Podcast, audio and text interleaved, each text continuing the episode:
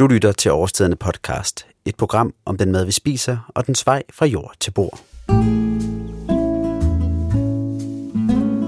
I dagens udsendelse skal vi se nærmere på årstidernes CO2-regnskab. Vi skal høre om, hvorfor årstiderne overhovedet laver en CO2-rapport, og hvad der bliver gjort for at mindske forbruget af CO2. Og forhåbentlig så skal vi også inspirere andre til selv at sætte sig ind i, hvor meget CO2 de udleder, og hvordan man bruger mindre CO2.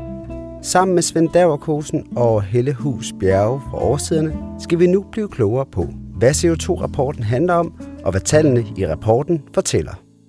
Den her rapport handler om de ting, som årstiderne påvirker, fra vi henter varerne ude hos øh, leverandørerne, avlerne, og indtil de er kørt hjem til kunderne. Og alt det, vi i øvrigt skal for at, at holde den her virksomhed kørende. Øh, så det er virksomhedens interne tekniske tjek på, hvordan vi øh, performer på, på CO2. Så det, der er taget med, det er sådan noget som øh, transport, emballage og elforbrug til at have lys i de kontorer, vi sidder i for eksempel. Men det, der ikke er taget med, det er, hvor meget det koster CO2 at producere en bøf, eller det kål, eller hvad det nu er, vi bruger. Og vi har, vi har heller ikke medtaget det el, det, det koster at lave maden til sidst derhjemme for eksempel. Det er jo folks egen husholdningsbudget, kan man sige. Transport er uden tvivl den post, der fylder mest i årstidernes CO2-regnskab. Faktisk udgør transporten to tredjedele af det samlede regnskab. Så lad os prøve at høre, hvorfor det er, der udledes så meget CO2 i forbindelse med transport. Som Svend han sagde, så tager vi jo transporten med helt ude fra aflerne og så til Danmark. Øh, alt efter om vi henter rundt i Danmark, eller om vi handler ved avler i udlandet. Øh, så det er jo det, der kaldes indtransporten. Så har vi jo mellemværende, hvor vi kører det herfra, når det er pakket, øh, og så ud til vores terminaler rundt om i Danmark eller i Sverige, som hedder mellemtransporten. Og så har vi jo sluttransporten, så fra vores terminaler ud til kundens hoveddør. Så der er sådan tre, kan man sige, øh, faser i vores transport, som vi bruger. Lad os starte med den her indtransport. Den udgør jo en tredjedel, lidt over en tredjedel af sådan det samlede øh, CO2-udledning. Og indtransporten, den foregår primært med tre forskellige transportmidler. Det kan være lastbiler, som nok er den øh, største. Mm. Så er der øh, skibe, altså containerskibe, der sejler ting fra fjerne egne ind. Og så er der toget. Flyet er ude af ligningen, fordi det, det, det bruger vi ikke. Det er som prioritet. Øhm, et sted, hvis man kigger på, hvor tingene kommer fra, så er det selvfølgelig en god slat, der kommer fra, fra Danmark, men der kommer også en hel del fra Sydeuropa for eksempel. Og en ret interessant tal, det, eller graf, øh, der er i rapporten, den viser, at hvis man nu bruger et tog, i stedet for at bruge lastbiler hele vejen, jamen så udleder man langt mindre CO2. Der står så også, at på grund af nogle, øh, en omstrukturering af tognettet i Europa, jamen så har vi som ikke lige så meget togdrift øh, i 2017, som vi havde haft i 16 for eksempel. Mm. Øhm, lad os prøve at snakke lidt om den kompleksitet, der er, når man bruger indtransport og transport i den sammenhæng, i forhold til at få truffet det bedste valg og få udledt så lidt CO2 som overhovedet muligt. Mm.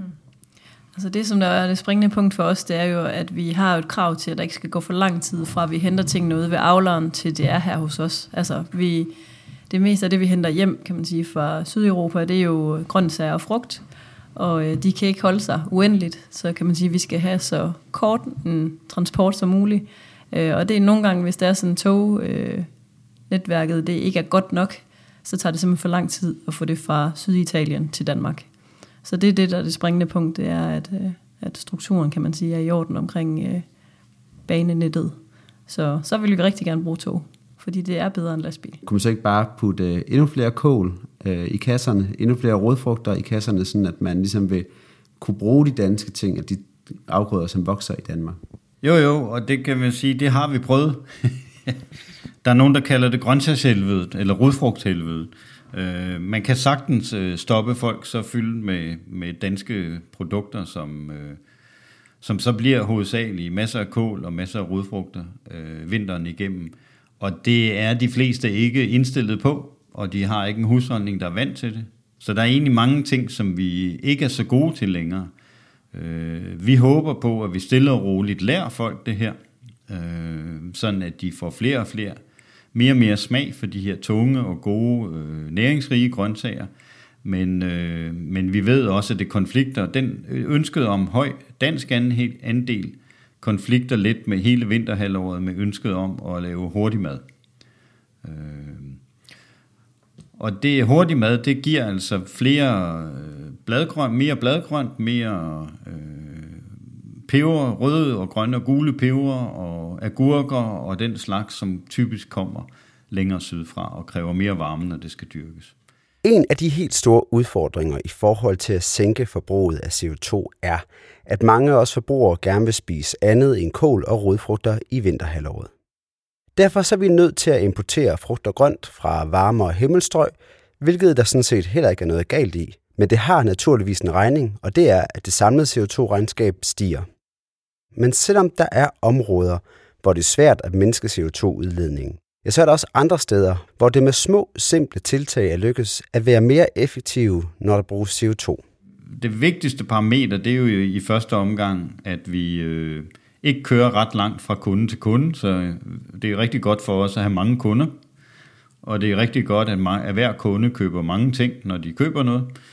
Øh, det er jo den, den ene ting, og så øh, er vi for tiden ved at kigge sammen med en af vores chauffører, som har 34 biler, øh, at kigge på, om han kan omlægge nogle af sine biler til en anden drift. De har faktisk siddet til møde i dag og fået forelagt en løsning, hvor han, om han kunne lægge sine biler om til gasdrift og få en langt mindre CO2-udledning ud af det. Og det, vi jo, det, det må vi jo så se, hvor langt vi kan komme med. Men det ser ud til, at, at det er sandsynligt, at vi kunne komme over på gas øh, på nogle af bilerne ret snart. Altså der er jo helt sikkert også øh, et sted, hvor man kan, kan man sige, spare transportmæssigt øh, i forhold til, at kunderne de får leveret øh, i alt efter hvilken region de bor i osv., øh, sådan så det passer på deres rute, sådan så at man ikke, kan man sige, kører ud til den samme gade øh, flere gange i løbet af dagen, eller flere gange i løbet af ugen, sådan så at vi sådan minimerer, kan man sige, øh, variationen der. Så, øh, så transporten den bliver mere enkel på den måde. Så, øh, og det er jo nok også en af hovedårsagerne, kan man sige, til årstiderne har sit forretningskoncept, som de har det. Det er jo netop det der med, at vi tænker på alt, hvad kunden skal bruge. Så, øh, så man netop ikke, kan man sige, skal ud og køre igen, fordi man lige mangler en liter mælk, eller hvad det nu kunne være. Så der er det hele til måltidet.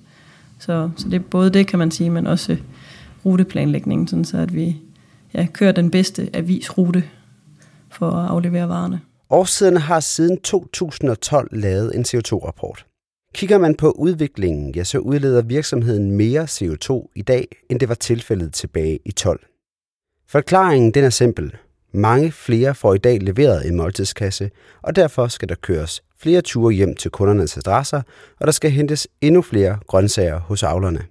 Derfor er det mest interessante tal i rapporten, om vi er blevet mere effektive, når en måltidskasse leveres. Øh, ja, man kan sige, at øh, grundlæggende så kan vi jo se, at tallene stiger. Det er jo fordi, at vi er en virksomhed, som, som er, er, har solgt flere og flere kasser i de sidste år. Øh, vi er gået fra at sælge en frugt, en frugt- og grøntkasse og har nu fået sat en kølekasse ovenpå, så det hedder en måltidskasse. Det vil sige, hvis hver gang vi går ind af havegangen, så har vi flere kasser med, øh, og flere kilo med. Øh, og det betyder jo så, at... Øh, at vi kan også gøre nogle ting mere effektivt. Øh, og det kan vi se på tallene, at øh, og, jo, så måler vi nemlig per, per drop, og vi måler per omsat 1000 kroner, øh, for ligesom at forholde det til hinanden. Og det viser klart, at, at vi har en, en pæn øh, effektivitetsfremgang undervejs, øh, fordi at vi bliver vi kører øh, færre øh, stop på en vej, øh, eller undskyld, flere stop på en vej. Når vi kører hen ad en vej, så er der simpelthen flere kasser at sætte af. Når vi køber, når vi skal fylde bilerne op, så har vi langt flere kasser, så vi kan fylde hele biler op hver gang. Og når vi øh, bruger pakkeriet, jamen så står vi inde i den samme hal og får pakket mange flere kasser. Nu har, kører vi med nogle nathold, som pakker os. Jamen det udnytter faciliteterne bedre. Så der er mange ting, der øh, gør det undervejs. det vi kan se, det er, at på alle parametre bliver vi en lille smule bedre fra 2012 og op til, til 16, og så skete der det i 16, at det ligesom flade lidt ud, og derfor var vi meget spændt på, hvad, hvad rapporten her for 17, den så ville komme ud med. Øh, det, der var specielt for 16, det var, at vi havde en meget stor ombygning, hvor vi lavede en masse ting anderledes, mens vi byggede om. Og det har, det har især på energisiden kostet rigtig meget. Så vi er faktisk lidt, lidt dårligere i 16, eller hvad? Vi blev ikke dårligere, men vi stagnerede. Øh, så vi fik ikke den der... Vi var, havde vendt os til, at vi blev lidt mere effektive hvert år, og det kunne vi ikke helt følge med til, når man målte per drop. Og, i, og det gode ved 17-opgørelsen var så, at vi kunne se, at nu er vi tilbage på linjen, efter vi har fået, fået øh, lavet et nyt pakkeri. Så er vi tilbage på sporet med, at vi kan se, at nu, nu er der stadig øh, mindre udledning per, per drop fra, fra de aktiviteter, vi laver her. Øh, og nu er vi sådan kommet relativt godt ind i, øh, i 2018, må man sige. Altså det er blevet øh, efterår, så det går ligesom på held. Rapporten om for 18 kommer selvfølgelig først i 19, fordi vi skal have de sidste par måneder med her. Men er der et eller andet, kan I løfte sløret for, hvad, hvordan det tegner, øh, eller er det alt for tidligt at sige noget om, på trods af, at vi er kommet ind i øh, efteråret? Hvor vi ved, at vi er kommet i gang med mindre kasser på Flamingo-kassen. Vi er kommet i gang med øh, sandsynligvis at genbruge dem lidt mere stadigvæk. Øh, og så er vi, har vi fået udskiftet en del af vores køleanlæg til CO2 som kølemiddel, og det vil sige, at så har vi ikke længere de her freon og HFC-gasser, som øh, er nogle ret, ret øh, CO2-kraftige gasser, hvis, øh, hvis man mister noget af det kølevæske. Så, så der burde være nogle forbedringer i, i de led der i hvert fald. Udover det, så vores kølesystemer, der er de også sådan mere energieffektive, så de er ikke så dyre at have kørende øh, i forhold til strøm. Så der vil vi også måske kunne se noget. Så selvom der udledes mere CO2, er årstiderne år for år blevet mere effektive i forhold til at udnytte den energi, det kræver at drive virksomheden. Et eksempel på, hvordan det er lykkedes at blive mere effektiv, er udviklingen af en ny flamingokasse. Hvad det handler om, det går Svend, Helle og jeg over i pakkeriet og taler om. Men mens vi går derover, kan du høre et klip med Maja Rosenstock, der arbejder med CSR i årsiderne. Først forklarer Maja, hvad CSR handler om, og derefter så vil hun fortælle, hvorfor det overhovedet giver mening for en virksomhed som årstiderne at lave en CO2-rapport. CSR, det står jo for Corporate Social Responsibility, og det handler om virksomheds samfundsansvar. Man kan sige, at i bund og grund så handler det om at opføre sig ordentligt og passe godt på både den planet, som vi bor på, men også på de mennesker, som er på planeten. Så det handler egentlig om at have omtanke for de ting, man gør, og gøre tingene på en anstændig måde. Det er relevant at lave en CO2-rapport, fordi vi har et ansvar for at følge med i, hvordan bidrager vi til CO2-udledningen. Og det gør vi ved at, at lave den her undersøgelse, hvor vi kigger på, hvad er vores CO2-udledning i vores virksomhed. Og grunden til, at det er nødvendigt at gøre det, det er dels at holde styr på, jamen går det op eller ned, går det den rigtige vej, men især også at få noget inspiration til, hvad kan vi så gøre bedre fremover, og hvor er det især, vi kan sætte ind, hvis vi skal gøre det endnu bedre næste år. Ud fra sådan et øh, CSR-perspektiv, så laver man ikke en CO2-rapport for at sige, hvor man er rigtig god, og hvor det ens flotteste fjer er i dragten. Altså hvis man gerne vil sige, hvor man er rigtig god, så skulle man jo ikke starte med at lave en CO2-rapport. For CO2-rapporten den siger jo, hvor det er, vi bruger rigtig meget, kan man sige. Så det vil være en, en, en, en fjollet vej at gå og starte med at lave en CO2-rapport, hvis det var for at vise, hvor gode vi er. Øhm, når man laver CO2-rapport, så er det netop for øh, at, at være transparent omkring de ting, vi gør, og sige, ja, vi udleder CO2, når vi har vores virksomhed. Og, øh, og det bliver vi nødt til at, at handle efter, og vi bliver nødt til at se, hvor vi kan forbedre øh, de forskellige udledninger, vi har. Noget af det, som man jo så bruger som, øh, som mål for, om man går den rigtige eller forkerte vej, eller i hvert fald orienterer sig og strukturerer ens øh, arbejde inden for sådan noget CSR, det er de der verdensmål, som FN har sat. Kan du ikke øh, prøve at sætte en ord på, hvad de går ud på?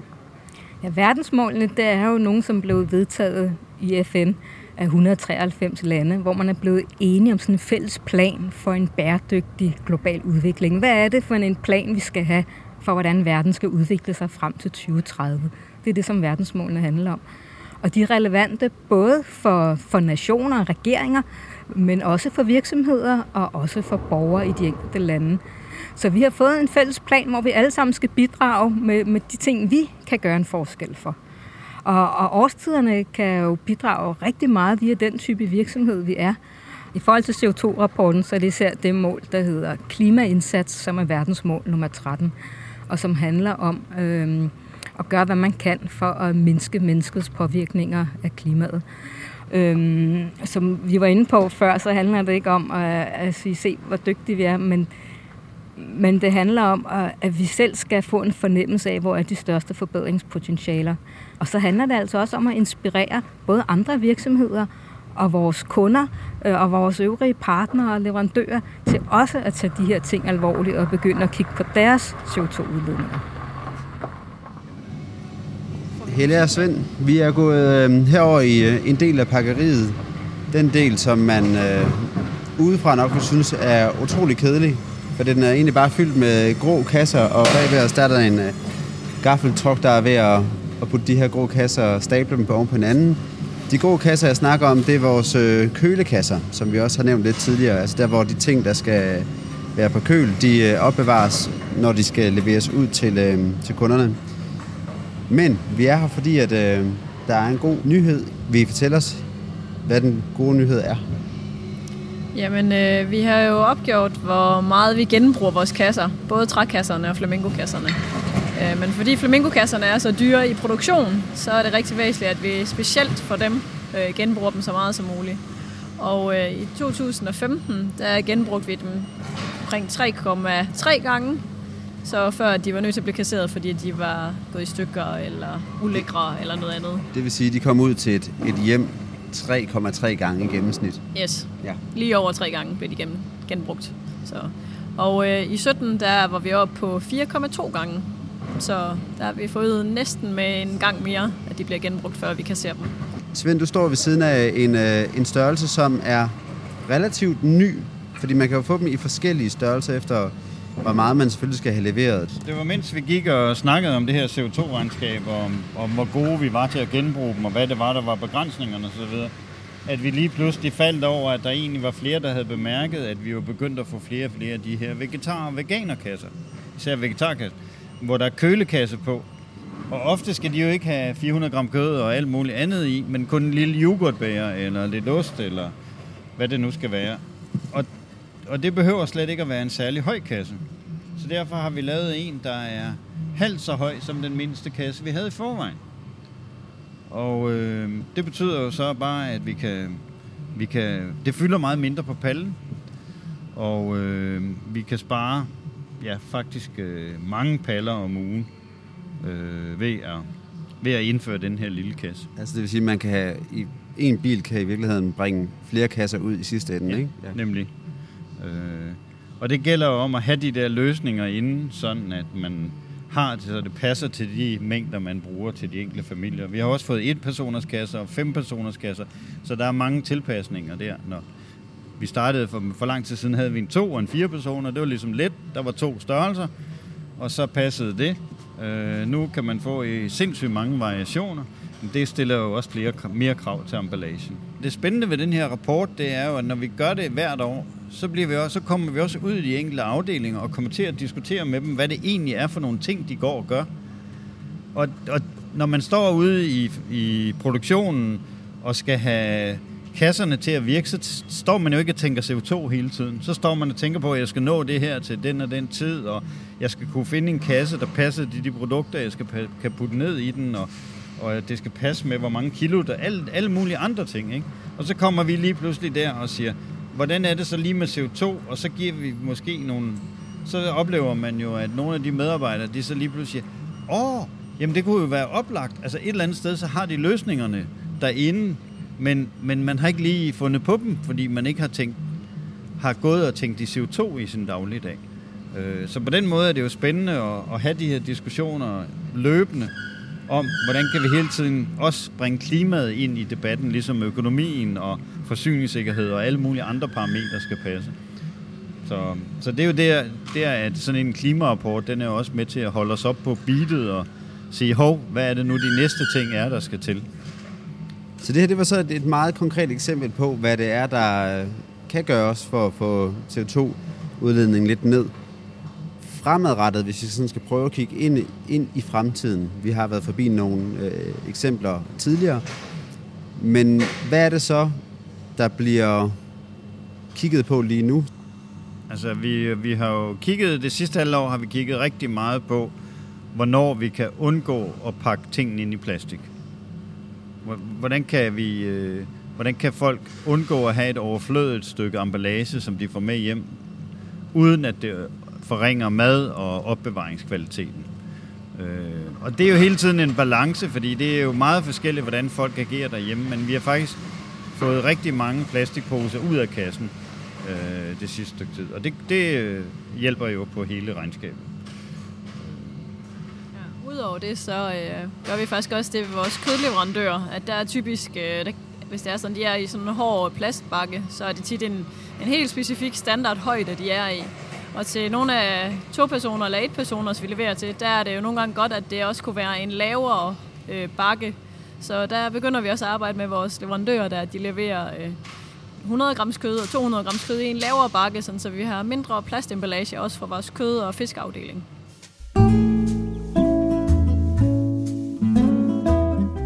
Her slutter vi denne udsendelse om, hvordan vi i årstiderne arbejder for at mindske vores CO2-forbrug.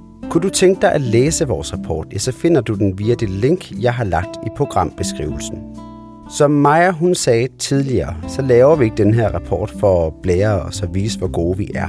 Nej, rapporten den handler tværtimod om, at vi bliver mere bevidste om, at vi ikke er perfekte, og at vi hele tiden skal blive dygtigere for at mindske vores CO2-forbrug. Samtidig så prøver vi også at inspirere andre til at gøre det samme. Så arbejder du for eksempel i en virksomhed, der ikke har lavet en CO2-rapport endnu, ja, så har du nu fået argumenterne for, hvorfor I også skal begynde at se nærmere på jeres CO2-udslip. Mit navn er Mads Malik Fuglsang Holm, og tilbage for mig er kun at sige tak, fordi du lyttede med, og at jeg håber, at vi lyttes ved igen i næste uge, hvor der kommer en ny udgave af Årstiderne podcast.